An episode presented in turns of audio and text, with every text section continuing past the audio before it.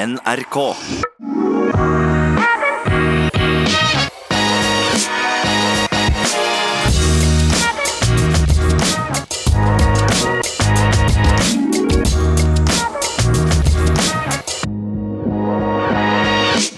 Oss ikke, så vi er tilbake med en ny episode av I det lange løp, og det er eh, faktisk litt av en episode vi har på gang her. Dere skal få møte en av de mest unike og interessante løpefamiliene i dette landet. Og nei, det er ikke familien Ingebrigtsen, det er familien Halle Haugen. Der skal vi møte veteranen i gjengen, Per Halle, løp OL-finale i 72, og et av de største talentene i Norge, Simen Halle Haugen, barnebarn. Eh, har løpt 29,06 er det vel, på, på 10 km. Eh, tatt EM-gull i terreng sammen med Jakob Ingebrigtsen i, i juniorklassen og vært med på litt av hvert, så det blir stort. Kan vi sammenligne litt trening for 50 år sia og nå, se om det har skjedd noe eh, på de eh, tiårene der. Eh, jeg heter Jan Post, eh, men den som trener i denne podkasten her, det er Christian Ulriksen. Og nå kommer du rett fra hardøkt på Bislett, gjør du ikke det? Det er tirsdag, og da er det full fest inne på Bislett stadion. Det er selvfølgelig enormt gode forhold, og med dagens skoteknologi så går det, går det vil jeg si, går det fort der inne òg, altså. Ja, hva slags økt hadde du? Nei, jeg trener jo en del med den gruppa til, til SK Vidar. De har jo ei sånn gruppe med sånne halvmosjonister og litt eldre folk her, både med unger og, og alt mulig, så eh, i dag kjørte vi en god gammel klassiker. Seks runder, fire runder, to runder, og så det samme en gang til. Så da ble det jo 3276 meter og 2184 meter og, og 1092 meter. Og så var planen å, å starte rundt maratonfart, eller bitte litt fortere, da, på de, på de lengste dragene, og, og rundt halvmaratonfart på, på mellomdragene, og, og, kanskje ned mot 10 km-fart på, på de, de, korteste dragene. Og vi var som, som, vi har vært både på tirsdag og torsdag, så var vi ei bunnsolid gruppe der. Og, og det, gikk, det, gikk, litt for fort for min del, egentlig. Jeg følte meg veldig bra, så jeg sprang litt fortere enn en planen var. men vi får ta det med oss. For han, Eirik Ramstad, som er en av de beste der inne, han dro av de 24 rundene, så dro han i hvert fall 20 av dem, og de siste fire tok jeg. Så vi var en god gjeng og fikk gjennomført nok ei god økt, så pila peker oppover. Ja, Gramstad han er kvikkere i huet enn deg, og, og kvikkere i beina. Det er, det er, litt av en figur. Han har løpt 5000 meter på rett over 14 blank, han. han og, og driver med ting bort på universitetet der som du og jeg ikke fatter noen ting av. Ja, så han Gramstad han er unikum. Jeg tror han har doktorgrad i fysikk eller noe sånt. Og så har han tre unger, og så har han løpt på 30 blank på 10 km nå i snart i ti år. Så han er, han er spesialutgave, men han er en sinnssykt god mann, og spesielt på trening. Han er også en kar som setter pris på, på treningsmiljøet òg, så han finner faktisk tid til å, å, møte opp både på tirsdager og torsdager og få gjennomført ei fellestrening, og det er det mange som setter pris på. Jeg synes det høres ut som en bra økt. Du er litt på, på gang etter litt sånn småtrøbbel, og, og, skaden er under kontroll? Ja, jeg vil jo si det. Jeg måtte jo, som vi har vært inne på tidligere, trekke kraftig i håndbrekket, så jeg hadde jo ei uke der. Uka etter den halvmaratonen i Barcelona så ble det jo 15 km og, og kun to løpeøkter og, og mye alternativt. Og så var det jo uka etter 83 km og mye alternativt, og så var forrige uka på 100 km og, og, litt alternativt. Så hvis jeg, hvis jeg kommer meg opp her nå rundt 120-130 denne uka, og så kanskje 150 uka etter der igjen, så tror jeg jeg skal prøve å stabilisere meg rundt 150. Vi kjører jo et sånt system nå både med trening tirsdag, torsdag og lørdag. Det er litt for at vi får i den gruppa til Vidar der, så er det mange som, som er på bra nivå på, på 10 km og halvmaraton, men det er ikke så mange der som, som satser mot maraton. Så for å få mest mulig fellesøkter og for så vidt bygge et, et, bra miljø, så har vi blitt enige om å kjøre tirsdag, torsdag inne på Bislett, og da starter vi intervall halv seks, og det er for så vidt velkommen til alle. Og det finnes jo både jenter og, og andre folk der som, som springer på en annen fart enn vi, så det er jo mye folk og bra miljø. Så da er det litt lengre intervall tirsdag og, og kort intervall torsdag. Og så eh, på lørdag da, så er det jo litt hver mann for seg sjøl. Vi som satser mot maraton, vi kjører jo enten en, en langtur da, eller en, en lang tempoøkt på lørdag. Så søndag langturen har blitt gått over til lørdag, så, så får vi se hvordan dette programmet funker. Det er i hvert fall for en, en gammel fotballspiller som meg, som setter pris på det å kunne være i et treningsmiljø, spesielt på, på hardøkt, det er jo både motiverende og så er det jo også givende å springe la med andre og, og, folk som er bedre enn seg. Så, så jeg syns vi har funnet en bra metodikk, og så gjelder det å holde litt igjen på intensiteten her. Når man bare har én dag imellom, så er man jo litt sårbar, men vi, vi får prøve å bruke hodet, vi som alle andre. Jeg misunner deg det miljøet, altså det gjør mye. Det er fantastisk å ha andre å løpe fast med, og det gjør jo det lettere å gå på, på treningsøkter og gjennomføre uke etter uke, så det høres lovende ut. Ellers så må jeg øh, gratulere med øh, at du er tilbake blant oss vanlige dødelige etter månedsvis uten jobb. Du har flagra rundt nede i Kenya, lekt profesjonell løper. Så har du nå fått deg ærlig arbeid igjen. Rett og slett fast jobb. Hvordan er det? Nei, jeg får si som hun der godeste mora mi sa, at det er jo på tide at du begynner å få inn litt eh, fast inntekt òg, så du slipper å leve på samboeren som er sykepleier, og det er jeg for så vidt enig med henne i. Og det andre er jo at eh, det har eh, ja, det dukka opp en mulighet på en, på en, meget bra jobb som det var tungt å, å si nei til, i hvert fall når man er såpass begrensa og springer som det jeg er. Så nå er det opp om morgenen og komme seg på mølla, eller for den saks skyld komme seg ut, og så er det å få trent, og så er det å være på jobb der i, ja, i åtte-halv ni-tida og, og, være som, som, de andre folkene i det landet her. Så får vi håpe at det går an å, å bli bedre å springe for det om vi har jobb. Det finnes jo som vi kanskje kan høre om litt senere, så finnes det jo folk som har løpt kraftig mye fortere enn det jeg noen gang blir å gjøre med full jobb. Ja, spørsmålet er om du ble noe bedre uten å ha jobb? Ja, det er jo også en annen sak. Det jo vanskelig å si. Altså, jeg håper jo at at den gode treninga som jeg fikk gjort i Kenya For det dem jeg var nødt til å, å, trekke litt i håndbrekket så er det jo ikke sånn at det, det, det, du har gjort i sju uker, blir borte umiddelbart. Jeg håper jo det skal gi, gi, en viss effekt. og det er klart Sånn som den økta i dag var veldig bra, så gjelder det jo å få kontinuitet. og Så får vi jo se her nå. det det er jo litt eh, sånn der eh, halvkjipt å, å, drive og trene og bygge seg opp mot forhåpentligvis sin beste form noensinne, og så leser du hver eneste dag om løp og, og for så vidt andre idrettsarrangement som blir kansellert, men enn så lenge så er jeg jo fortsatt motivert. Ja, du fikk én beskjed i dag om et planlagt løp du um, skal til som røyk.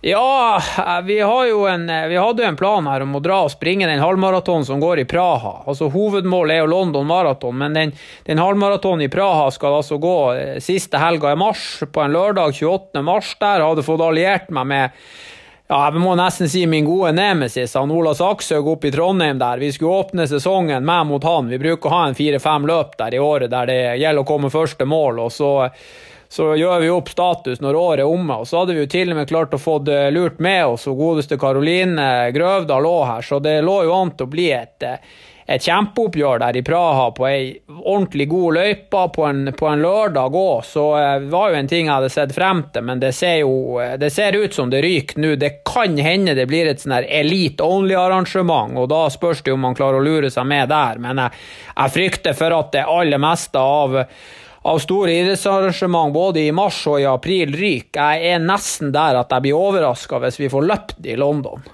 Ja, Vi spiller jo inn dette på tirsdag, og når dette kommer ut på fredag, så tipper jeg at det er masse mer som er avlyst. Det går ikke riktig vei, dette her. Og nå skal det sies at, at et avlyst idrettsarrangement eller, eller 100, det er ikke det verste ved akkurat det som skjer med koronaviruset.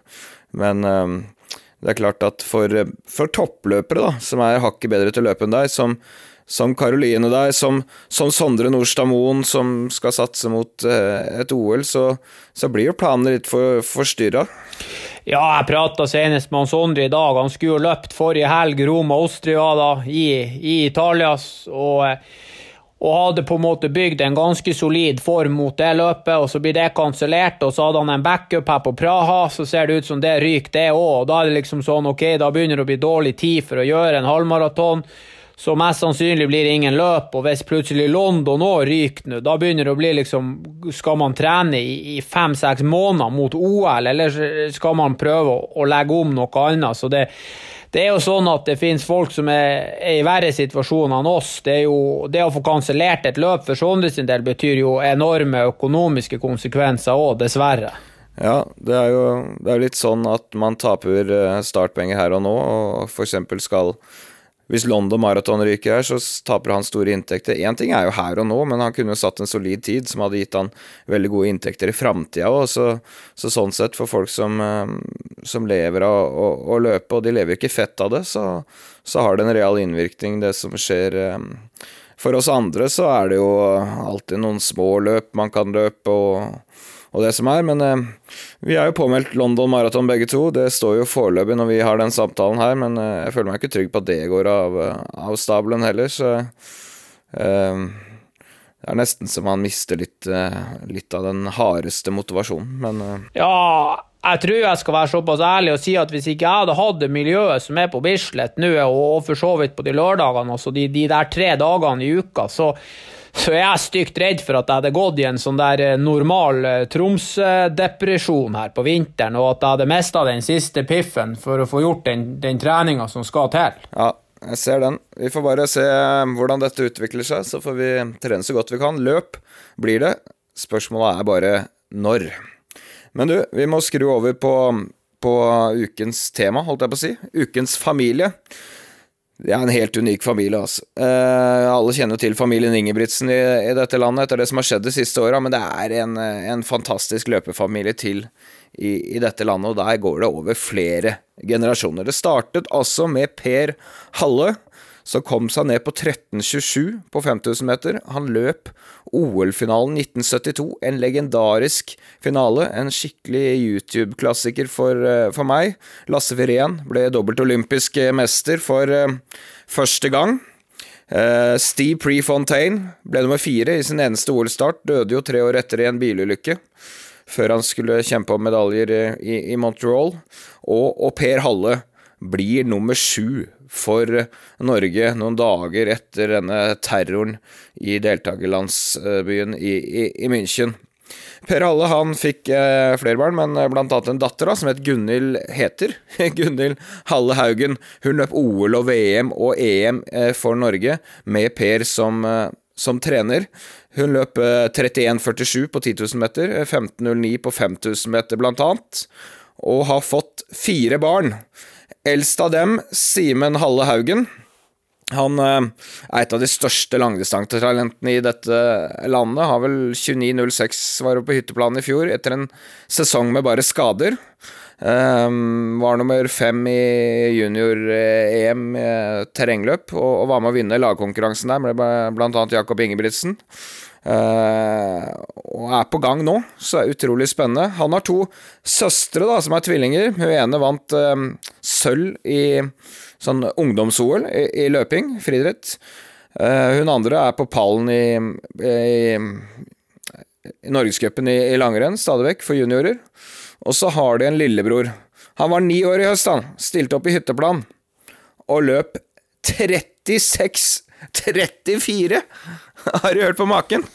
Ja, han der godeste lillebroren der på ni år. Jeg var jo sjøl borte der på hytteplanmila. Litt, eh, litt, dårlig form der etter Berlin maraton, og klarte akkurat å komme meg inn etter 32 minutter. Og var selvfølgelig sliten og skulle så vidt få i meg en kopp med, med sportsdrikk, og så ser du ned bakken, og det kommer altså en liten gutt her på ni år og pumper inn på 36 minutter. Det er sånn der Du lurer på om det der er sant, men ja, vi kan jo sjøl tenke oss, og jeg vet jo at han gutten der trener brukbart, og så kan vi jo sjøl tenke oss hva som eh, ligger av forutsetninger til grunn, men jeg tror jo at vi skal ta og holde et lite øye med han der niåringen, for det kan jo bli nok ei sånn der eventyrhistorie her i Norge. Ja, det er spennende. Vi skal ikke legge press på han, men det blir spennende å følge hans, eh, hans storebror og storesøster òg. Eh, Simen, eh, som vi får møte her i denne praten, er jo en, eh, en fyr som er eh, veldig talentfull. Tar idretten veldig alvorlig. Trenes av sin mor og av sin bestefar, og fikk da bestefar Per Halle til å være med på denne praten, sånn at vi også kan sammenligne litt trening eh, fra 70-tallet til i dag. Hva har skjedd på disse 50 årene? Hva er likt? Var ulikt. Det, det syns jeg er spennende, Kristian. Ja, det er jo en helt unik familie. altså Én ting er jo å være i en OL-finale og bli nummer sju på 5000 meter. altså Det i seg sjøl er jo helt hinsides. Og det andre er jo også at når han Per og dem sprang, så var ikke verdensrekorden på, på 12,37. Det var liksom, De var kraftig nært de aller, aller beste. og han Per har jo selvfølgelig fått lov å trene dattera etterpå, og så får han jo nå trent ja, beste, altså når du er bestefar her, i tillegg så får du på en måte andre runden med, med å trene dine egne. og det er klart at, at løping er altså Når du springer 5000 meter i, i 1972 der, så, så, er det nå fortsatt den samme distansen som det er i dag. Og, og 13.27 på bane, det vet vi alle hvor ufattelig fort det er. og så, så kan vi tenke oss at banen er blitt litt bedre nå, og, og skotøy, det tør jeg ikke engang å, å tenke på. men men det må være givende for han Per å se òg. Jeg vil jo anta at, mye av den treninga de gjorde, noe vil jeg jo tro har forandra seg, men det blir jo veldig interessant å høre hvordan han ser trening nå. Han har jo nesten fått lov å holde på med, med løping siden, siden andre verdenskrig til frem i dag, så han har jo en helt unik erfaring, og jeg tror han Simen kan få, få nyte godt av av både bestefaren og selvfølgelig mora, men jeg kan jo tenke meg at det å bli trent av din egen mor, det må jo dukke opp noen utfordringer, så jeg tror det er greit at han der bestefaren også tar i, tar i et tak her. Du er glad du ikke har trent av mora di, skjønner jeg? Ja, det tror jeg kunne blitt høyst problematisk for oss begge. det er bra. Han, eh, per vet du, han trente jo også Marius Bakken vet du, i starten av hans karriere. Han eh, han endte jo på 13.06, hadde norgesrekorden på 5000 eh, helt i fjor. Eh, men i starten av hans karriere, jeg tror han var helt ned på 1320-tallet, så, så um, samarbeidet han med, med, Per Halle, så han har vært med på virkelig mye. Og det ser mer lovende ut for Simen inn i denne sesongen. Eh, så det er virkelig spennende ting som skjer nede i Vestfold. Jeg tror vi bare går videre i episoden og hører på min, min samtale med, med, Per Halle og Simen Halle Haugen. Det var uh, stor stas for meg.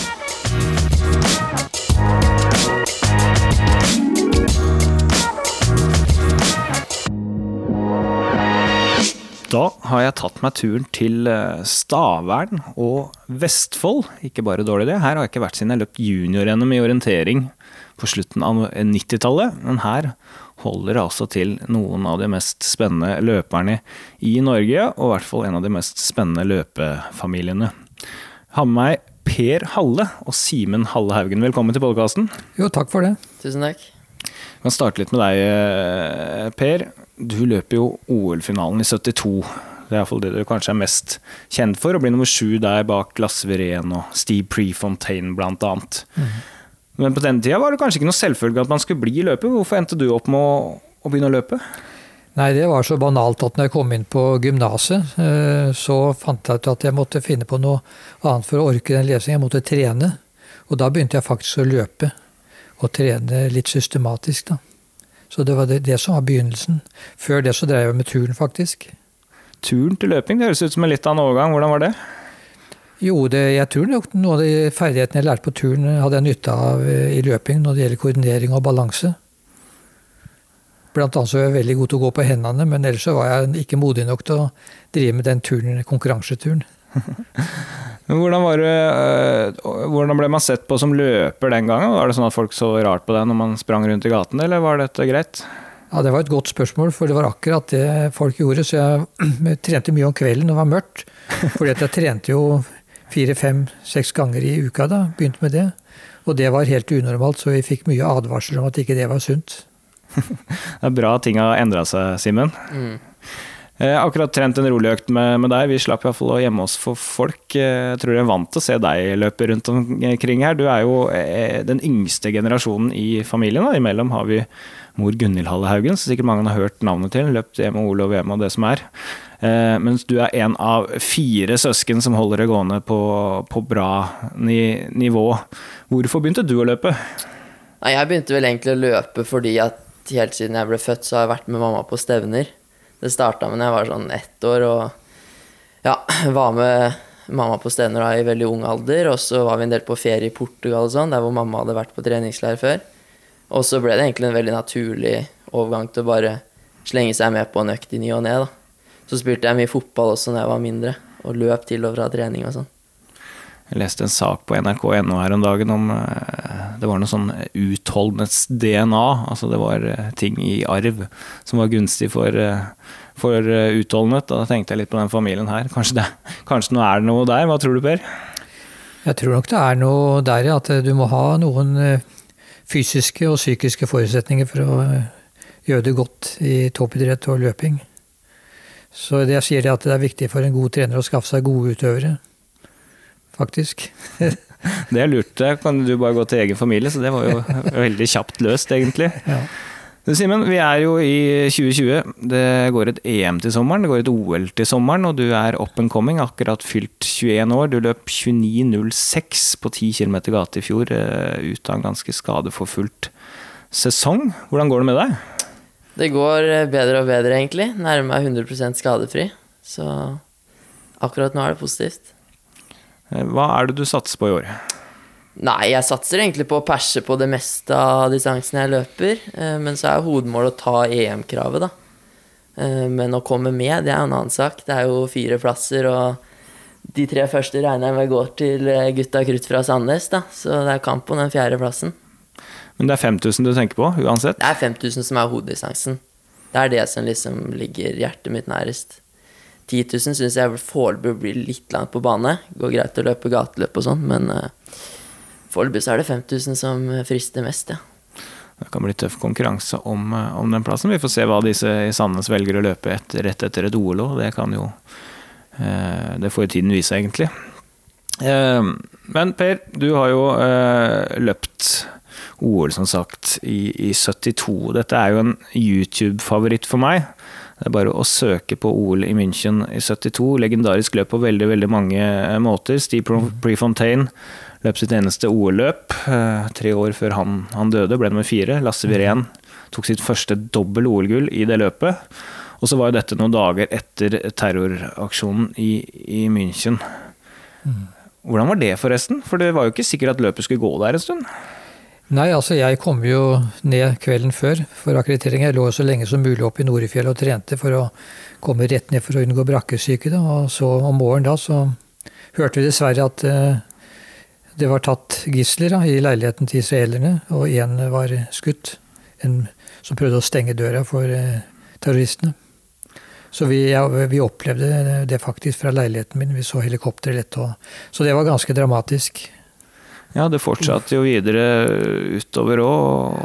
Og ja, det ble jo mye styr langt i ettertid òg, men eh, det kan vi jo la ligge. Men trodde du da at det skulle bli noe løp? Ja, så Golda Meir hun gikk ut og anbefalte eh, at eh, man skulle fortsette med OL, fordi at man skulle ikke la Svart september få på en måte den det, det, det, poenget at OL ble avlyst. Så det var vel det som gjorde at vi var ganske sikre på at OL ikke ble avlyst. da. Det ble utsatt? Det ble utsatt en dag med en minneseremoni hvor alle utøvere samla på banen. for å minnes eh, de israelerne som omkom under terroraksjonen. Spesielle omstendigheter og et historisk løp. Eh, hva husker du fra selve løpet? Nei, altså For det første så var jeg veldig skuffa for jeg kom Jeg ble nummer tre i forsøket var de to beste Eh, som gikk videre av fem forsøkssitt, hvis jeg ikke husker feil. Og så var det de tre beste tidene. Så kom jeg med som uh, lucky loser, og det fortalte han Hovden uh, meg fra NRK. da, og Gratulerte meg med, med at jeg kom til finalen. Jeg, jeg, visste jo ikke det akkurat da, for han traff meg rett utenfor banen. Så det var fantastisk. Og da bestemte jeg meg for at jeg skulle gjøre en god innsats i finalen. Og det gjorde du. Du ble nummer sju. Det var et løp det gikk fort på slutten. Ja, det gikk voldsomt fort, og jeg skjønte jo det at eh, med det utgangspunktet jeg hadde som en av de dårligste personlige rekordene det, av de som stilte opp der, så måtte jeg være smart og løpe innerst ved lista og bak så lenge som mulig, og så prøve å være med når toget gikk. Så toget gikk jo da etter en, eh, først et litet, liten akselerasjon etter 3000 meter, og så etter, når det var tre runder igjen, så eksploderte det jo.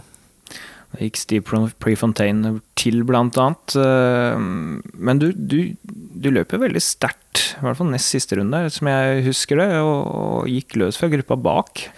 Altså De tre siste rundene gikk på 60, 59, 60, så, men det, det, er vanskelig å se liksom, i forhold. Så det var nok en del som ble ganske stive og sure i muskulaturen når det var én runde igjen. Så jeg kom godt på slutten, så jeg, jeg håper jo egentlig at løpet hadde vært litt lengre, da. Du skulle starta litt før? jeg skulle dessverre starte litt før. Jeg, var, eh, jeg lå bak, så jeg så ikke akkurat når toget gikk. Så jeg var egentlig veldig sinna på meg sjøl etter løpet, da.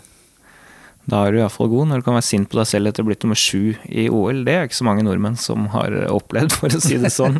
Simen, har du sett dette på, på YouTube? Det har jeg sett mange ganger på YouTube. Det er jo, bruker det litt innimellom. Jeg tar fram det når det trengs. Det er gøy å høre halve uttales både på finsk og engelsk der, når du kommer i mål. Mm. Legendarisk finsk kommentering. Du skjønner ikke noe annet enn navnene som blir ramset opp i, i tide og utide under det, under det løpet. Ja, men Hva slags inspirasjon har familien vært for deg, Simen? Uh, den har vært veldig stor. Jeg tror ikke jeg hadde drevet med løping hvis ikke bestefar og mamma holdt på før meg. da. Så det har vært uh, det er jo på en måte, Bestefar er jo egentlig det største forbildet jeg har, i form av at han har visst at det er mulig innad i familien. Og det er utrolig kult. Og i tillegg så er han treneren min, og jeg har veldig stor tro på det opplegget vi, vi kjører. Så. Ja, Du har bestefar som trener, og mamma som trener. Hvordan er det det? Ja, det, vi er egentlig samarbeider om opplegget, og så er det bestefar som følger mest opp, sånn at det ikke blir for mye krangling mellom meg og mamma. Har du blitt uh, hissig her i heimen? Ja, det blir litt diskusjoner innimellom. Så det er greit at det tas med meg og bestefar, enn at det, det går utover alle andre i familien her, da. Er du roligere enn datteren, Per? Ja, jeg tror det. Men e-, egentlig, jeg var jo treneren til Gunhild eh, når hun holdt på, og eh, vi gikk veldig godt sammen. Og det er ganske uvanlig at eh, far-datter-forhold fungerer som eh, trener. Så egentlig så gikk det veldig bra. Få gi noen eh, tips til Gjert. Han skal ha en datter opp her nå. Kanskje du har noen tips? Ja, Gjert, Gjert er jo Gjert og fantastisk eh, person, så, men det er vanskelig, så jeg kan ikke kopiere han. og Det er jo, bare viser jo det at det er forskjellige måter som fører fram, og han har jo virkelig truffet spikeren. Han har fått til, fått til, en del, men det har jammen du også. Eh, og jeg vil gjerne diskutere litt trening, det er jo spennende. Vi driver jo og nerder litt i denne podkasten her. Og hva slags treningsfilosofi var det som gjaldt for deg ja, på slutten av 60-tallet og starten av 70-tallet? Jeg kan jo si det sånn at når jeg begynte å trene, så trente jeg helt tradisjonelt sånn som uh, Tor Helland og co. gjorde, med relativt små mengder og sånn. Men så ble jeg tatt ut som morgendagens menn når jeg var 18 år, for jeg hadde løpt en 3000 meter på 8.37 seint på høsten i, i, Porsgrunn. Så kom jeg på den første samlingen på våren der, eller på vinteren der på Ski, i Ski kommune. På Ski, tettstedet Ski. Der er jeg fra. Så, der er du fra, ja. Så det vet du hvor jeg er. Ja. Og der var en nytilsatt landslagstrener som het Tor Henrik Mathisen. Som kom med et revolusjonerende opplegg hvor vi da skulle mm, løpe mange flere repetisjoner og med mye kortere pauser og ganske store mengder. Så fra mitt grunnlag på min treningsmengde på rundt 4-5 mil i uka, så gikk jeg direkte på 14-15 mil i uka som 18-åring. Hvordan gikk det den overgangen? Nei, altså det var jo veldig mye, da. Med voldsomme mengder. Blant annet så hadde jeg en økt på 4 ganger 5000 meter med 500 meter i pausen. Som vi fant ut etter hvert det var litt vel i overkant. Dette minner jo om moderne maratontrening, egentlig? Ja, Eh, faktisk. Vi kalte det oppstykka langtur, men jeg trente faktisk intervaller, eh, eller kvalitet, eh, altså terskel som vi kaller det i dag, da. Fem ganger i uka til å begynne med. Men terskel, var det et begrep du brukte den gangen?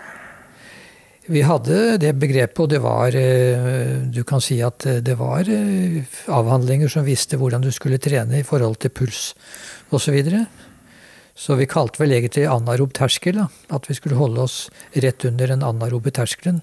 Og det, det målte vi i form av puls, makspuls, og i forhold til hva du skulle løpe på når du løp på den anarobe terskelen, rett under. Så vi hadde ganske bra styring på treninga. Vet du hvor i verden dette kom fra, disse ideene? Jeg vet ikke, men altså jeg snakka med en som heter Thomas Moser, fra, som bor i, på Nøtterøy, som er fra Østerrike. Han fortalte at i Østerrike på 60-tallet så hadde de treningsfilosofiene. Og hadde for så vidt utredet det.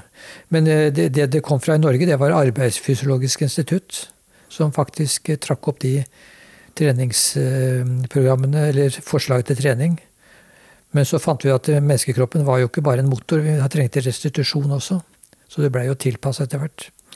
Du kom deg jo ned på 13.27 på 5000, en fremragende tid, eh, spesielt på den tiden hvor verdenseliten ikke løp, eh, ja, løp på 1240-tallet, for å si det sånn. Du var jo veldig nærme verdens, verdenstoppen. Eh, hvis du kunne ta en sånn rask gjennom en treningsuke fra den gangen, hvordan, hvordan, hvordan kunne det se ut? Nei, eksempel så mm, var det jo mye langkjøring da. Det var langturer på 20 km, 25 km og 30 km. Og så når det var såkalt terskeltrening, så kunne jeg løpe f.eks. 5-6 2000 meter. Det kunne være nøkt. Det kunne være 1200 meter, altså 10-1200 meter, som jeg veksla hver 14 dag da. Så kunne det være kortintervall hvor jeg veksla mellom f.eks. på sommeren typisk 20 ganger 400, eller f.eks. 60 ganger 100, som jeg veksla med hver 14 dag. Så det gikk på det. Og så hadde jeg alltid hurtig langtur fra 8 til 12 km opp i 20 km med hurtig langtur på terskel. Og hurtig langtur er jo noe som ikke brukes så mye nå hos de fleste. da. Men det brukte vi ganske mye og systematisk, i hvert fall én gang i uka. Ja, Hva kunne mila gå på da, under en hurtig langtur? Altså, Jeg vet ikke hvor mye man kan stole på det som vi hadde, for vi hadde jo ikke så gode mål vet du, med GPS-klokker osv. Men, eh, men jeg mener at jeg løp ned mot tre, på tre minutter på kilometeren på de der eh, hurtige langturene. Det, ble tatt i litt? Ja, altså det som jeg hadde som mål. Jeg, dess eldre jeg blei, dess, eh, dess, mer tok jeg i på de øktene, de såkalt kvalitetsøktene jeg hadde.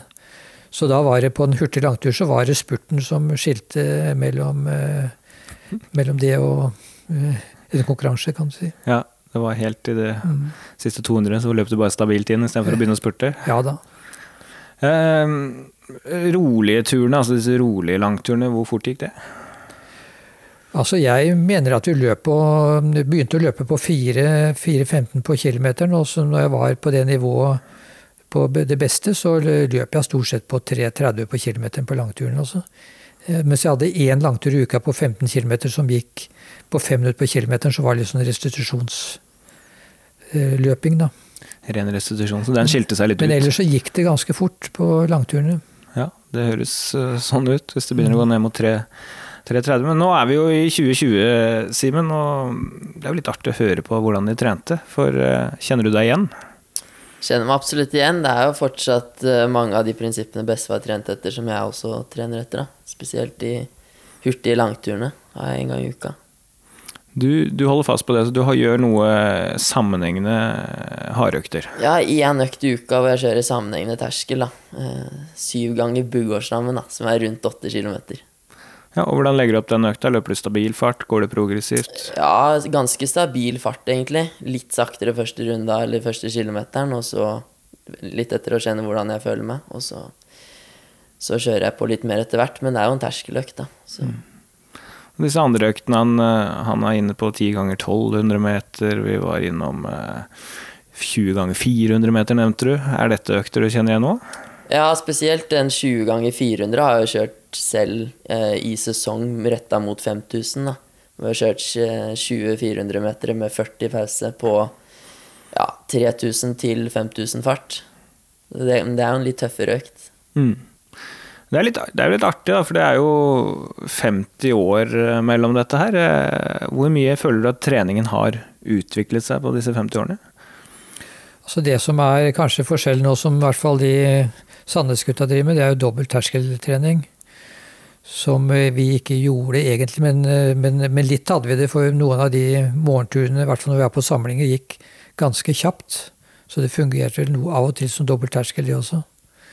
Men det, det, er vel den største forskjellen. Og så er det det at uh, i forhold til det vi holdt på med, så løper de litt kortere langturer nå.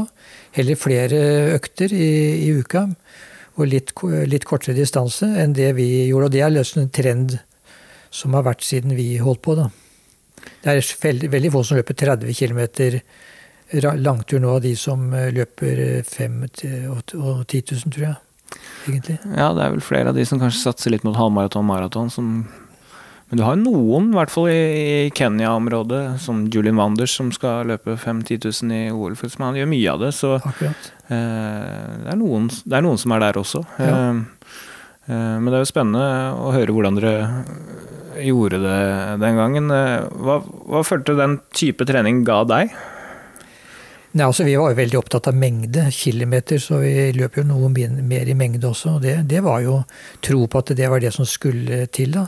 Og den gangen når jeg holdt på, så løp jo også 1500-meterløperne løp jo ganske store mengder, New Zealanderne osv. Så, videre. de, så det var jo en trend der. Så, så jeg trener nok litt større volum på trening enn det de kanskje gjør nå gjennomgående. da. Det betyr jo, Simen, at den treningen du driver med, den er jo egentlig testet over eh, svært lang tid. Hvilken trygghet gir det i at du vet at det har fungert både for din mor og, og for bestefar? Nei, det gir jo meg en kjempetrygghet. Altså, jeg stoler veldig på det opplegget bestefar og, og mamma legger opp, fordi de har jo gått veien før og bana vei, så jeg vil tro på at hvis jeg gjør det bestefar sier jeg skal gjøre, så blir det bra. Om jeg har forutsetningene for å bli like god som han. Det gjenstår jo å se, men eh, jeg tror det. Ja, hva tror du? Jeg tror han blir bedre enn det jeg var, ja. og det håper jeg virkelig. Og fordi at rammebetingelsene hans er jo mye helt annerledes enn eh, det jeg hadde. For jeg hadde jo studert jo og gjennomførte studiene på kortest mulig tid samtidig. Blei litt lite søvn innimellom. Det var det eneste. Restitusjonen var dårligere? Den eh, var dårligere. Eksempelvis før OL eh, i, i, mai måned så sov vel bare fire-fem timer i døgnet og, og jobba for å ta eksamener osv. Og, og så fikk vi tvillinger. av Gunhild var jo tvillingsøster til var tvilling. Ja. Så det var mer enn nok å drive med, eh, sånn sett. Så søvn det fikk jeg først når sommerferien kom. Høres det fristende ut, Simen? Jeg skal prøve å unngå å få barn inn mot en OL-sesong, i hvert fall. Iallfall tvillinger. Ja. Eh, men eh, hva er situasjonen din nå? Hvor eh, sterk er satsingen? Nei, den satsinga er 100 den. Det, det, er det det går i nå. Det tar mye tid. Altså, mange tror jo det at løping er to ganger 45 minutter hver dag, men hvis du er nøye og, og trener mye styrke og sånn ved siden av, så, så tar det tid. Det tar nesten hele dagen med behandlinger i tillegg. Ja, nå har jeg vært med deg på en, på en økt her, og, og, vi løp vel i 43 minutter. 4,18 i snitt på en mil. Og så skulle det gås litt, og så skulle det tøyes litt. Skulle det løpes stigningsløp. Skulle det gås litt, skulle det tøyes ut litt. Jeg vet ikke hva du gjorde før jeg kom, da, men etter jeg kom, så har du iallfall holdt på i en og en halv time da, for å få løpt disse 43 minuttene. ja, det tar litt tid. Jeg er litt nøye på uttøying og ja, rulling og, og litt diverse. I hvert fall nå når jeg har vært skada og sånn, så er det litt viktig å, å, være ordentlig nøye med detaljene. Da. Det er det som skiller Clinton fra Veten. Ja, og det å få trent med kontinuitet, det er jo alle enige om er, er viktig. Hvordan er liksom situasjonen rent skademessig nå? Ja, akkurat nå så går det egentlig veldig bra. Eh, jeg nærmer meg som sagt eh, nesten 100% skadefri og får trent mer og mer som jeg vil. Så akkurat nå så er jeg veldig tro, jeg startet bakketreningen nå, det må jo være et godt tegn? Mm, det er kjempedeilig. Jeg har gleda meg egentlig hele, hele, høsten å komme i gang med det. For det tror jeg er veldig, veldig viktig for å få den stayeren, spesielt inn mot de kortere distansene. da. Men også på fem og ti. At det er viktig med litt bakketrening. Du blir sterk av det.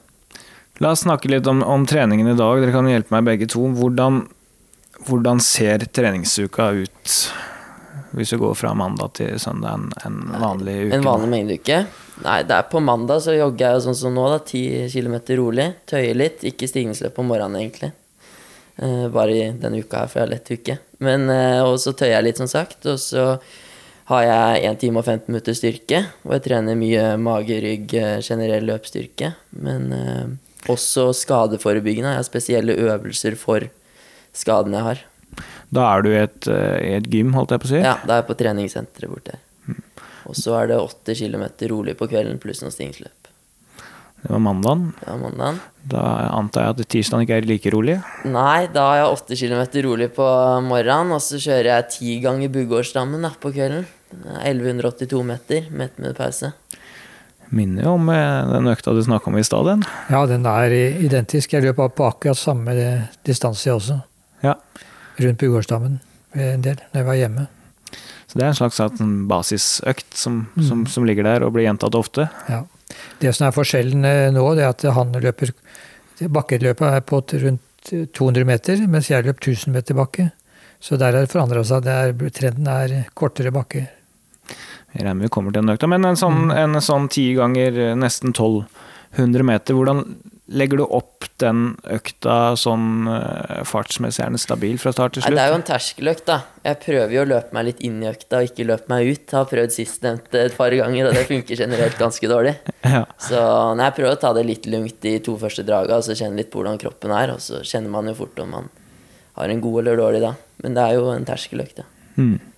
Og da skiller det egentlig bare noen sekunder fra første til siste drag? ja. Det er ikke store forskjellen, men det handler liksom om å løpe litt fortere etter hvert hvis man kan det, da. Så generelt så føler jeg at eh, jeg får en bedre økt om jeg klarer det. Per, hvordan regulerer dere intensiteten her? Det går jo via laktatmåling og, og puls. Løp med pulsbelte.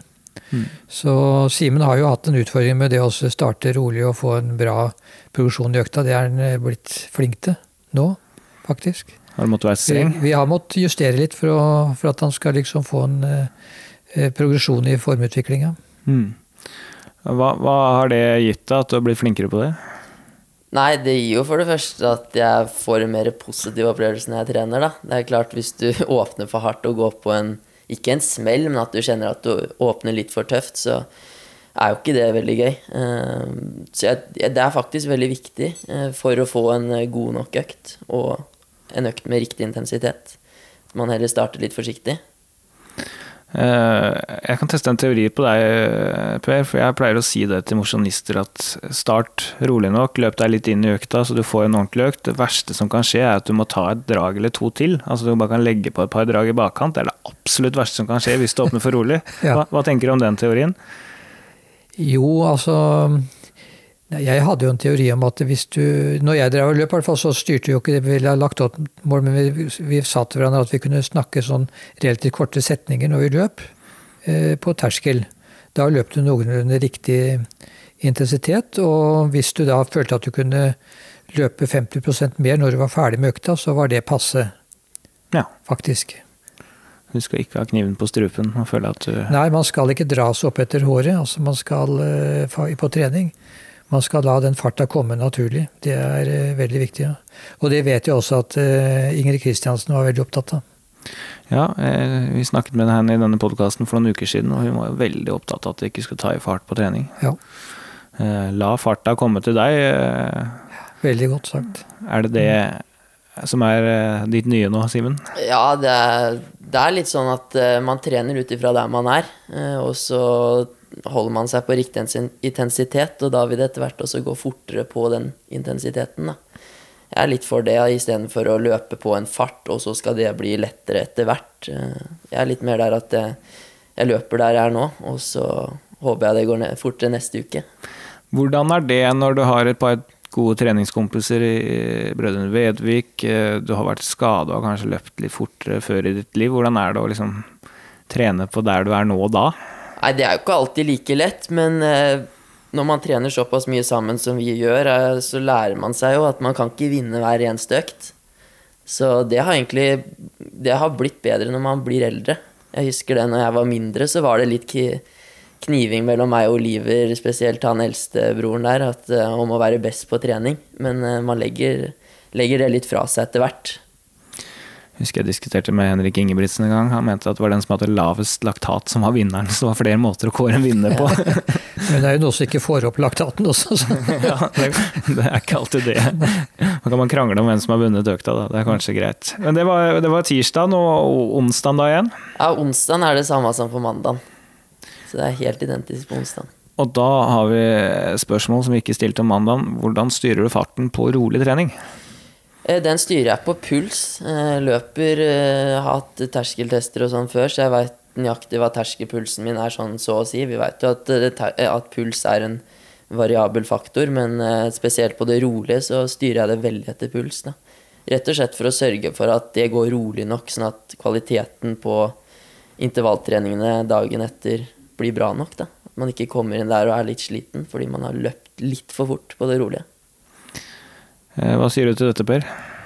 Jo, det er veldig fornuftig, og det er veldig viktig å styre intensiteten på de rolige øktene.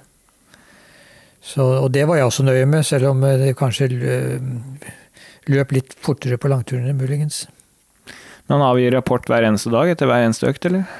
Altså han, jo, han har jo sånn treningsdagbok som han ligger på nettet så i skya, som jeg har fått tilgang på ved, hvis jeg lover å ikke tråkle det til på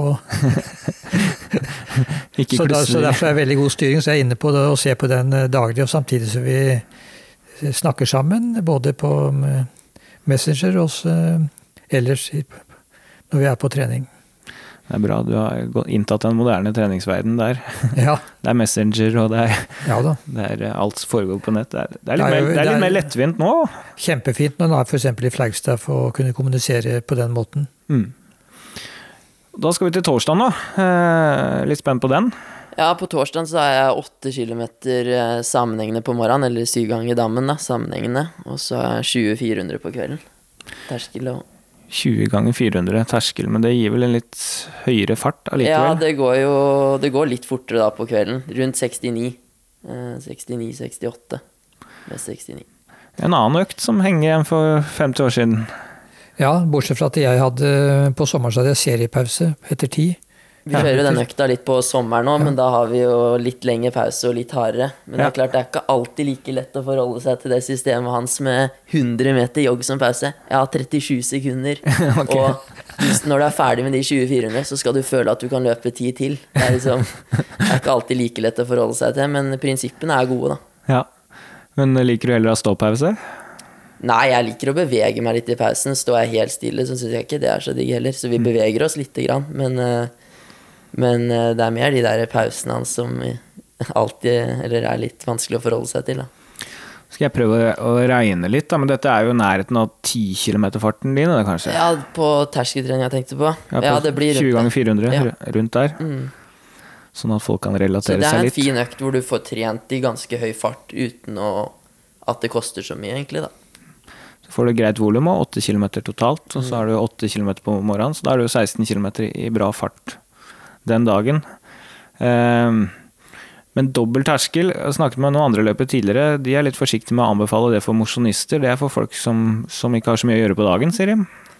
Ja, altså jeg har jo jeg, Dobbel terskel har jeg veldig troa på. Eh, men samtidig så tror jeg ikke man skal glemme at eh, enkle terskeløkter med bra volum også er eh, veldig bra. Fordi når jeg løper to ganger åtte kilometer terskel på torsdag, da, så får jo ikke jeg en sånn voldsom muskulær stayer. Altså jeg jobber jo ikke Det blir rundt 24 minutters arbeids, arbeidstid da, to ganger, kontra på tirsdag hvor jeg har 36 minutter arbeidstid. da. Så liksom, du skal ikke kimse av det å ha den der muskulære utholdenheten du får av å løpe 12 km på én enkeltøkt kontra 8, da. Den, eh, den, eh, den tror jeg er bra. Og Her var jeg inne på noe som skiller fra hvordan du trente, Per. Der var det kanskje litt lengre økter, men ikke så mye dobbelthardøkter. Nei, vi kjørte ikke sånn systematisk dobbel eh. Det, det var mer sånn eh, Hvis det var en morgenøkt som gikk litt fort, så kunne du jo for så vidt få samme eh, effekten. Og da løp vi ofte litt lenger enn 8-10 km om morgenen. Da. Og Det var jo spesielt på samlinger, hvor det løp ganske store volumer, hvor det nok kunne bli dobbel terskeleffekt på noen dager. Og den raske langturen, kall det det, eh, var litt lengre enn 8 km ofte òg. Ja, jeg løp opp i 20 km, og noe av teorien går jo på at eh, hvis du skal få full effekt på terskeltrening, så bør du ganske, løpe ganske lenge på terskel. Så kanskje en, eh, etter hvert sånn en eh, 40-50 minutter. Er det noe du tenker at Simen her skal gjøre på sikt? Ja, på sikt så tror jeg kanskje det eh, kan eh, bli aktuelt. Vi får nå se hvordan vi erfarer hvordan sesongen nå går, og hva han oppnår nå på, på bane. For det er jo ikke sånn at én ting som vi mente var riktig, er eh, oppløst og vet er, er det riktige. Samtidig så er det noen paralleller. Det er liksom morsomt Ja. å se når det er så, så lang avstand, avstand i tid imellom. Men det var, var da torsdagen, som er din kanskje tøffeste treningsdag, da, eller? Ja, enn så lenge så er det jo det. Men eh, det er jo ikke til å legge skjul på at to ganger åtte kilometer terskel, det er ikke veldig mye å skryte av. Men man må starte et sted. Eh, Nå kommer jeg fra en ganske hissig skadeperiode, og da gjelder det å bruke huet litt. Tenke om to ganger. Så starte med det, og så er jo planen å øke det etter hvert. Fredagen, er den da lik mandag Den er også? ganske lik mandagen, ja. Det er samme morgenøkta, men forskjellen er at da har jeg ikke basisstyrke, da har jeg litt beinstyrke. Men veldig kort. 20 minutter bare. Beinstyrke, hva består det i? Eh, Da kjører jeg egentlig bare steppet på knebøy. Bare sånn Ikke veldig hardt heller. Liksom lett for å rett og slett skape piff eh, i muskulaturen, rett og slett. da. Jeg blir ganske fresh av det, faktisk. Akkurat. Eh, Muskulær spenning. tungt.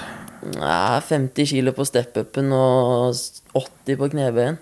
Det er sånn du må ta i litt. Ja, du tar i litt, men det går ikke så dypt på den knebøyen heller. Da. Så det er kun for å få snert og bli, bli sterk i, i rumpa og, og sånn, da, hvis det er lov å si. Det må være lov å si. Styrketrening, hvordan var det på din tid da, Per? Nei, altså jeg trente mye sånn spenst- og sirkeltrening eh, som gutt og junior, kan du si. Så ble det mindre og mindre. Nesten ikke noe, for jeg måtte på en måte effektivisere treningstida i og med at jeg drev og studerte på fulltid osv. Og, så videre. og jeg spurte også Steve Prefontaine og co. om de kjørte regelmessig styrketrening eh, eh, bort i USA. Og da svarte ja. Eh, ja, hvor ofte da? Én gang i året, sa de. Regelmessig. Den er bra. Det ligner litt på det jeg gjør, det. En gang i året. Jeg tror jeg skal skjerpe meg, og så sklir det ut. Men det er der du har den forskjellen nå, at det er, de har funnet ut det at styrke og, og sånn, det har, har positiv effekt. da. Det var jo mye mindre av det i gamle dager. Ja, Det virker som iallfall amerikanerne, da, hvis vi skal skjære alle over en kam, det er litt vanskelig å gjøre det her, for det ulike miljøer er veldig opptatt av, av dette her. Skal man tro det man leser og ser på nett. Mm. Hva føler du styrketreninga gir deg, da? Piff, sier du? Ja, i hvert fall beinstyrka. Jeg skal ikke skryte på meg at den sirkeltreninga gir meg så mye piff. Den er vel mer utmattende, men eh, det er mer det at eh, av å gjøre den styrketreninga, så kan jeg også gjøre den løptreninga jeg vil. Da. Eh, Jeg tror jeg, i hvert fall i forhold til de der kneasøvelsene som jeg har, som er veldig viktig for at jeg skal få løpt det jeg vil. Rett og slett skadeforebyggende øvelser. Så jeg, da, er heller, da kjører jeg heller litt mye styrke og får løpt det jeg vil, enn å ikke kjøre styrke og ikke få løpt det jeg vil. Det er kanskje flere av oss som burde tenkt Men jeg tror ikke det er noe prestasjonsfremmende styrke. Sånn, altså det er utmattende, liksom. Det koster. Ja. Det, Det er rett og slett for å få holde kontinuiteten oppe. mm. Um, da er vi jo spent. Du var innom Bakke her i stad. Da regner jeg med at den dukker opp på lørdagen. Mm. Ja, da kjører jeg 20, to ganger ti ganger 200 meter, da. Bakkeløp. Det er jo en økt som eh, Hele Norge kjører. eh, Ja, det, du får inntrykk av Du får høre om den stadig vekk. Eh, og den var tema i denne podkasten for eh, et par uker siden også. Eh, men dette er jo en økt som man har sett brødrene Ingebrigtsen gjøre. Eh, Har du noen aning om hvor den her kommer fra? Kommer den derfra, eller er det, har de tatt den fra noe sted? Altså Jeg vet jo det at når jeg var med, var med Gunhild på treningssamling eh, på Olympiatoppen, så det miljøet der, de hadde korte bakketreninger som eh, på en måte var det de skulle gjøre. Mens eh, sånn som Peter Cove, for eksempel, eh, nei, Sebastian Cove, han kjørte 1000 meter bakke mye, og det gjorde også newzealenderne, og det var det vi tok ape etter. Men så er det jo det med erfaringer osv. Jeg vet jo at Bente Martinsen kjørte bakketrening, men litt lengre enn én kilometer. Kanskje en fem-seks minutter for å unngå at det blei for anarop, da. Typisk skiløpetrening, det. Med drag Ja. mellom fire og seks minutter mm. i, i motbakke. Men denne varianten her, da eh, Jeg har ikke testa den selv, men eh, hvordan blir den gjennomført? Nei, den blir jo det, man, det er den ene økta i uka hvor jeg tar i litt, da. Altså terskeltrening er jo egentlig ganske kos i forhold. Så det er en økt hvor det er litt hardere, men eh, det er ikke så hardt at det er noe man gruer seg til. Men jeg tror den er veldig viktig, for du blir ganske sterk av det. Og jeg persa jo med 11 sekunder på 1500 en sesong der, og det tror jeg mye av grunnen til det tror jeg er rett og slett den bakketreninga der, da, som jeg drev med systematisk da inn mot den sesongen. Så jeg er veldig glad for å ha kunnet starta med det nå. Er dette noe som periodiseres, Per, eller er det året rundt å ligge på denne bakketreninga? Altså For Simens del nå så er det jo først nå han har innført det pga. at han har vært skada, men ellers så ville vi kanskje kjørt eh, en litt større del av vinteren og, og stort sett hele året, nesten. Ja. For det vi ser jo det at det har positiv effekt. altså Kombinere det med styrke og hurtighet. Eh, Det er jo nødvendig da. Fart er jo høyere nå på langdistansen enn når vi holdt på å løpe. Verdensrekorden er jo noe bedre. ja, det kan du si. Eh, selv om eh, det ble løpt veldig fort på ja, kanskje dårligere sko og dårligere baner den gang, så det er ikke så lett å sammenligne heller. Nei, det, var, det er vel ikke det. Men han, når jeg løp, så var vel han Peter Coe som hadde 13-13 i 74, vel, på 5000 meter. Så, så, vi var jo ikke så langt unna, vi nordmennene, da, egentlig da. da. Det er mye lenger unna nå, men men det kan jo være andre årsaker til det også. Ja, det, det kan være flere årsaker til, uten at vi skal snakke om alle de. Ja. Men tilbake til denne lørdagen, denne bakkeøkten. Ene økta, er det mer? Ja, enn så lenge så har jeg faktisk bare én økt den lørdagen. Ja. Men det blir jo å fylle på mer etter hvert. Men eh, ja, bygge stein for stein. Det er sånn med senskader at du skal ha litt tunga rett i munnen. Kan ikke begynne med alt på en gang. Og da skal vi til søndagen, og da lukter det jo at det er en langtur som kommer. Den er hellig. Da er det langturdag. 20 km med gutta i Tønsberg. Og så litt eh, lett beinstyrke etterpå, på kvelden. Akkurat. Eh, fart på, på, langtur? Nei, det styres jo av puls, da. Det går ikke så fort, egentlig. Det er mye ja, 4.15. Er det som en rolig 10 km tidligere i uka? Det er samme farta? Ja, nesten litt grann saktere òg. At jeg sørger for at den går med litt grann lavere puls, faktisk, enn de korte 10 km-øktene. Uh, igjen for at uh, man er godt nok uthvilt til det som kommer uka etterpå i form av, form av intervalltreninga. Hvor mye føler du den langturen tar? Eh, sånn pulsmessig og sånn, så tar det jo ikke så mye. Men eh, det er mer det Jeg blir faktisk litt muskulært sliten, altså. Jeg merker det. Vi har diskutert det med Jonathan en del ganger, at det frister ikke å løpe halvmaraton enn så lenge. For etter 15 km der så kjenner jeg at jeg blir muskulært sliten. Det koster litt de siste fem, sånn muskulært. da. Og derfor er det også veldig viktig. Ja, og det, det er jo kanskje det som er meninga. Hva er grunnen til at dere lander på akkurat 20 km? Nei, det var det Det er vel mer tilfeldig, kanskje. Men altså det som er, som kanskje vi undervurderte når vi holdt på, det var at eh, det var en belastning som egentlig de lange langturene egentlig var. Vi brukte jo det som restitusjon etter løp osv., men eh, spørsmålet om det var riktig restitusjon. ja. Rett og slett. Men eh, er dette noe du har tenkt å øke på sikt, eller er det en sånn passe lengde når man satser 5000? Jeg tror det er passe lengde. Det er bedre å øke volumet ved å løpe flere økter. Kanskje opp til tre økter om dagen isteden. Akkurat. Så, så totalt ukesvolum, hva ender vi på da? I en mengdeuke så blir det 150 km. Ja. ja. Og, men du sier en mengdeuke, det betyr at det er en form for periodiseringen her? Hvordan ja, foregår det? det er jo Det er kanskje det vi skiller oss litt ut fra ganske mange andre, at vi er glad i å periodisere treninga. Kjøre tre uker med mengde, og så én uke lett, rett og slett. Da. Halvparten av en mengdeuke. Ja. Da er det mer sånn på sånn mosjonistmengde, sånn som vi andre ja, da, driver med? Ja, det er ikke så mye å skryte av. Men det er rett og slett fordi at uh, i de mengdeukene så er det mye øvelser og dilldall og sånn. Man er veldig på da, i tre uker, og så har du en uke hvor du trener litt mindre og trener litt annerledes. Får inn litt elementer som man vanligvis ikke trener så mye på. Som da? Nei, da kjører jeg litt kortere drag. Da. Altså, jeg, akkurat nå så bruker jeg de lette ukene til å tilvenne nye ting. Altså ting som jeg har lyst til å gjøre på sikt, men som jeg ikke har fått kunne gjort da, pga. skadesituasjonen. Så da handler det egentlig om å bruke de ukene til å, ja, som jeg sier, gjøre nye ting. Eh, og implementere det. Hva føler du, Per, at disse eh, lette ukene gir sånn rent fysiologisk?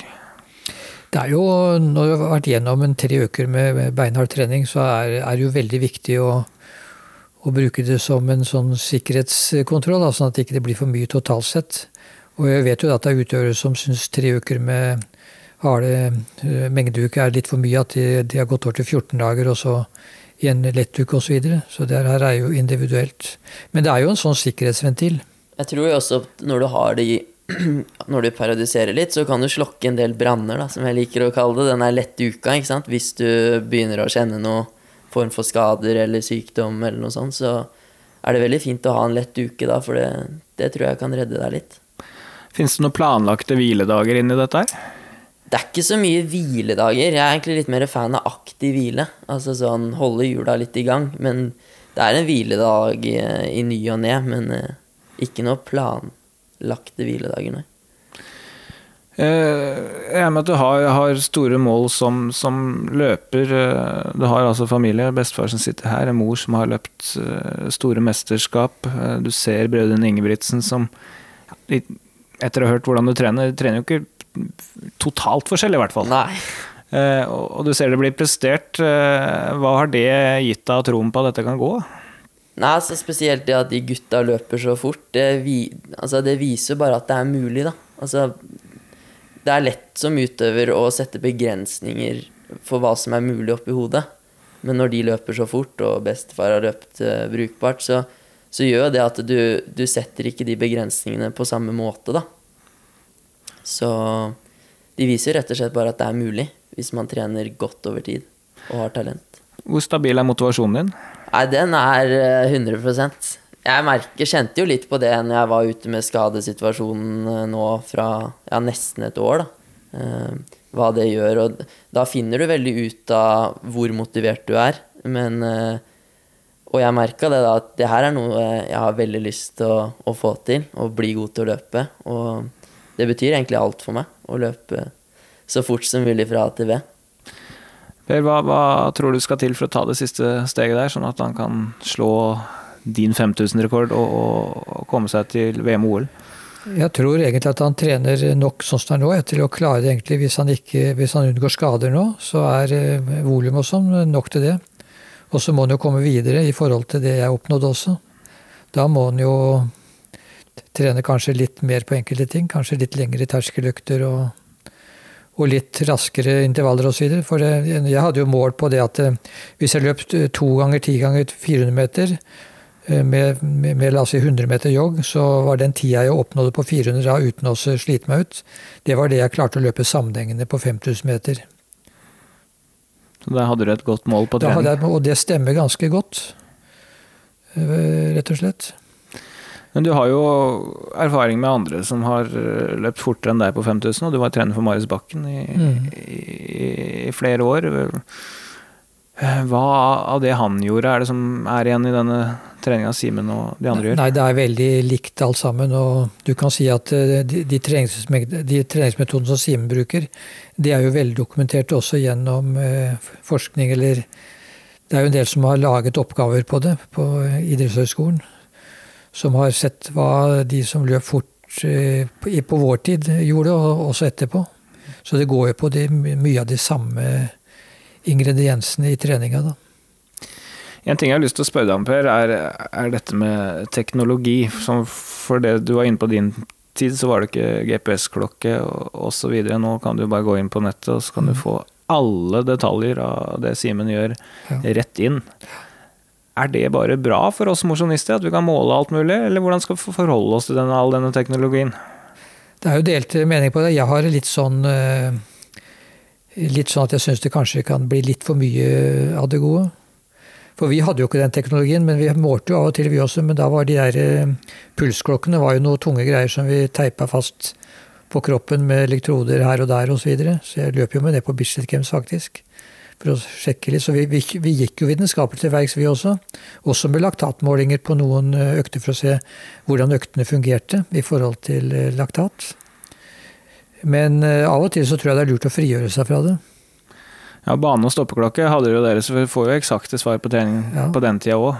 Men jeg har en mistanke om at de baneøktene vi hadde hvis vi løp med stoppeklokka i handa, så blei de tidene veldig gode, de vi løp på bane. Så jeg lurer på om vi påvirka litt klokka vi oss eh, ha den i hand, altså. Men av og til så sto jo noen på sidelinjen og kontrollerte, da. Ja, Mm. det var greit å ha kontroll. Ja, spørs når man starter og stopper den klokka. da. Man løper ja det er akkurat det også. Men hvordan tenker du i forhold til at du kan måle alt, uh, Simen? Klarer du å frigjøre deg fra klokka? Jeg klarer egentlig å frigjøre meg fra klokka, men jeg syns klokka er et nyttig verktøy i form av at det, Jeg er jo glad i egentlig å gå litt vitenskapelig til verks da, og, og føre nøye detaljene i hver enkelt økt. Og det, jeg synes det som er fint med treningsdagbok og å føre det, er jo at det er veldig lett å gå tilbake og se hva som har funka, og hva som ikke har funka, og hvorfor det funka, og eventuelt ikke funka. da. Så jeg tror klokke og, og pulsbelte og sånn, det, det er et veldig bra verktøy hvis man klarer å bruke det på en riktig måte.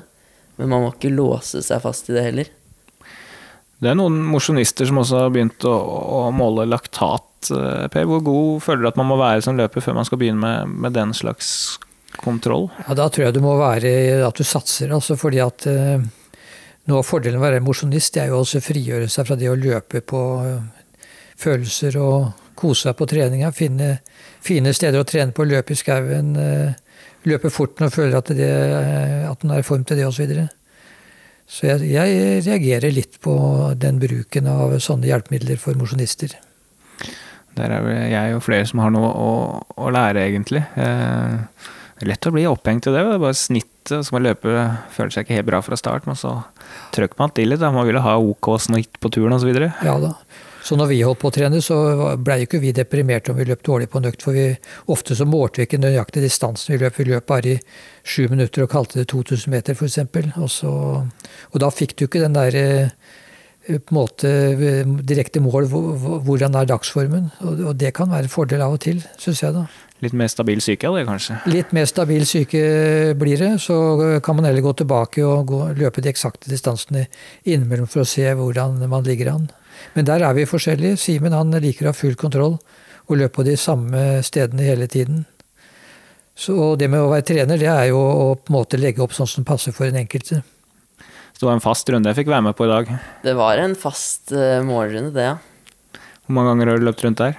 Nei, det har jeg ikke tellinga på engang. Det tror jeg ikke Det hadde ikke vært bra å ha telling på, tellinga på heller, så Nei, det er mange ganger. Det er, eh, jeg er glad i den runden.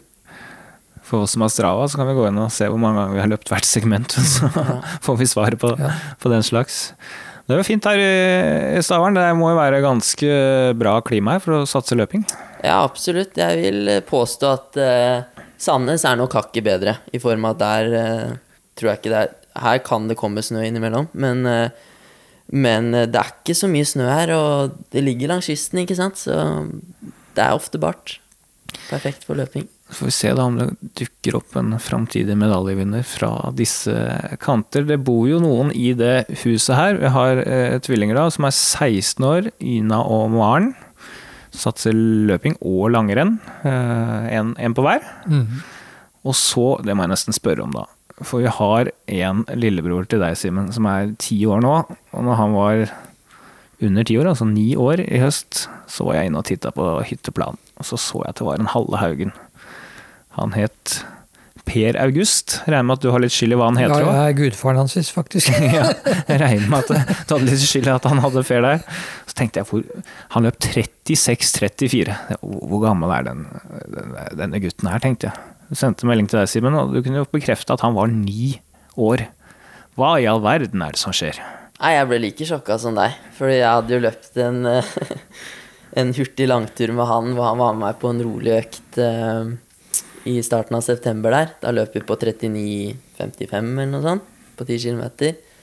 Og det skulle jo egentlig være en sammenhengende terskeløkt for han, men da fikk han det litt siste 3-4 kilometerne, men så klarer han å løpe 3,5 minutter nesten fortere, da, i hytteplan. Jeg ble Det var sjokkerende.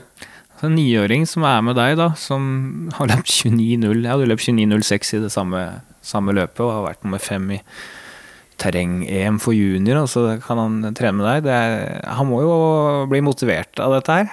Ja, han blir jo det. Han, det og så trener han jo mye med søstrene sine òg, da. Han er jo mye med de på intervall og sånn. Så han eh, har alle forutsetninger for å bli god, hvis han vil det. Hva sier du, Per? Jo, det er helt utrolig, men han trener jo en god del. Altså han, eh, så jeg er jo kanskje litt bekymra for treningsmengden hans, men han syns jo det er utrolig moro. Og så lenge han syns det er veldig moro, så må han jo nesten få lov til å holde på med det.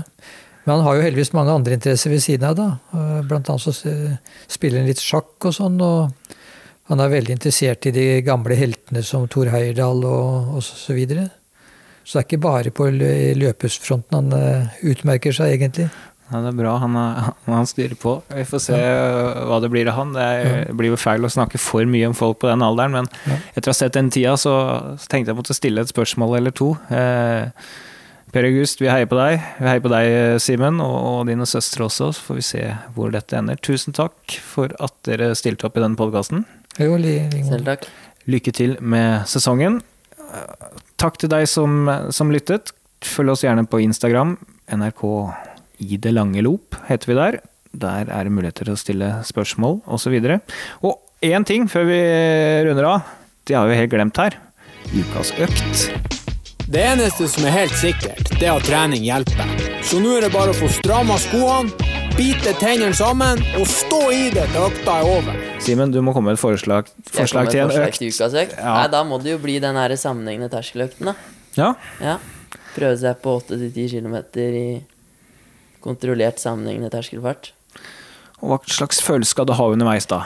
Nei, du skal jo føle at du tar i, men det skal jo ikke koste så altfor mye heller. Eh, Det skal jo være en terskeløkt. Men eh, rett og slett det å løpe litt i høy hastighet uten pause, da. vil Jeg anbefaler. Du løper den på grus.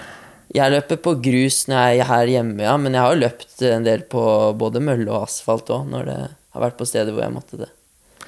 Sammenhengende løping i OK fart, terskel uten pauser. Det er egentlig det man gjør i konkurranse, så det er greit å trene litt på det òg. Ja. Har ikke pauser i konkurranse, dette. Kom dere ut og test, folkens. Det var alt for i dag. Takk skal dere ha.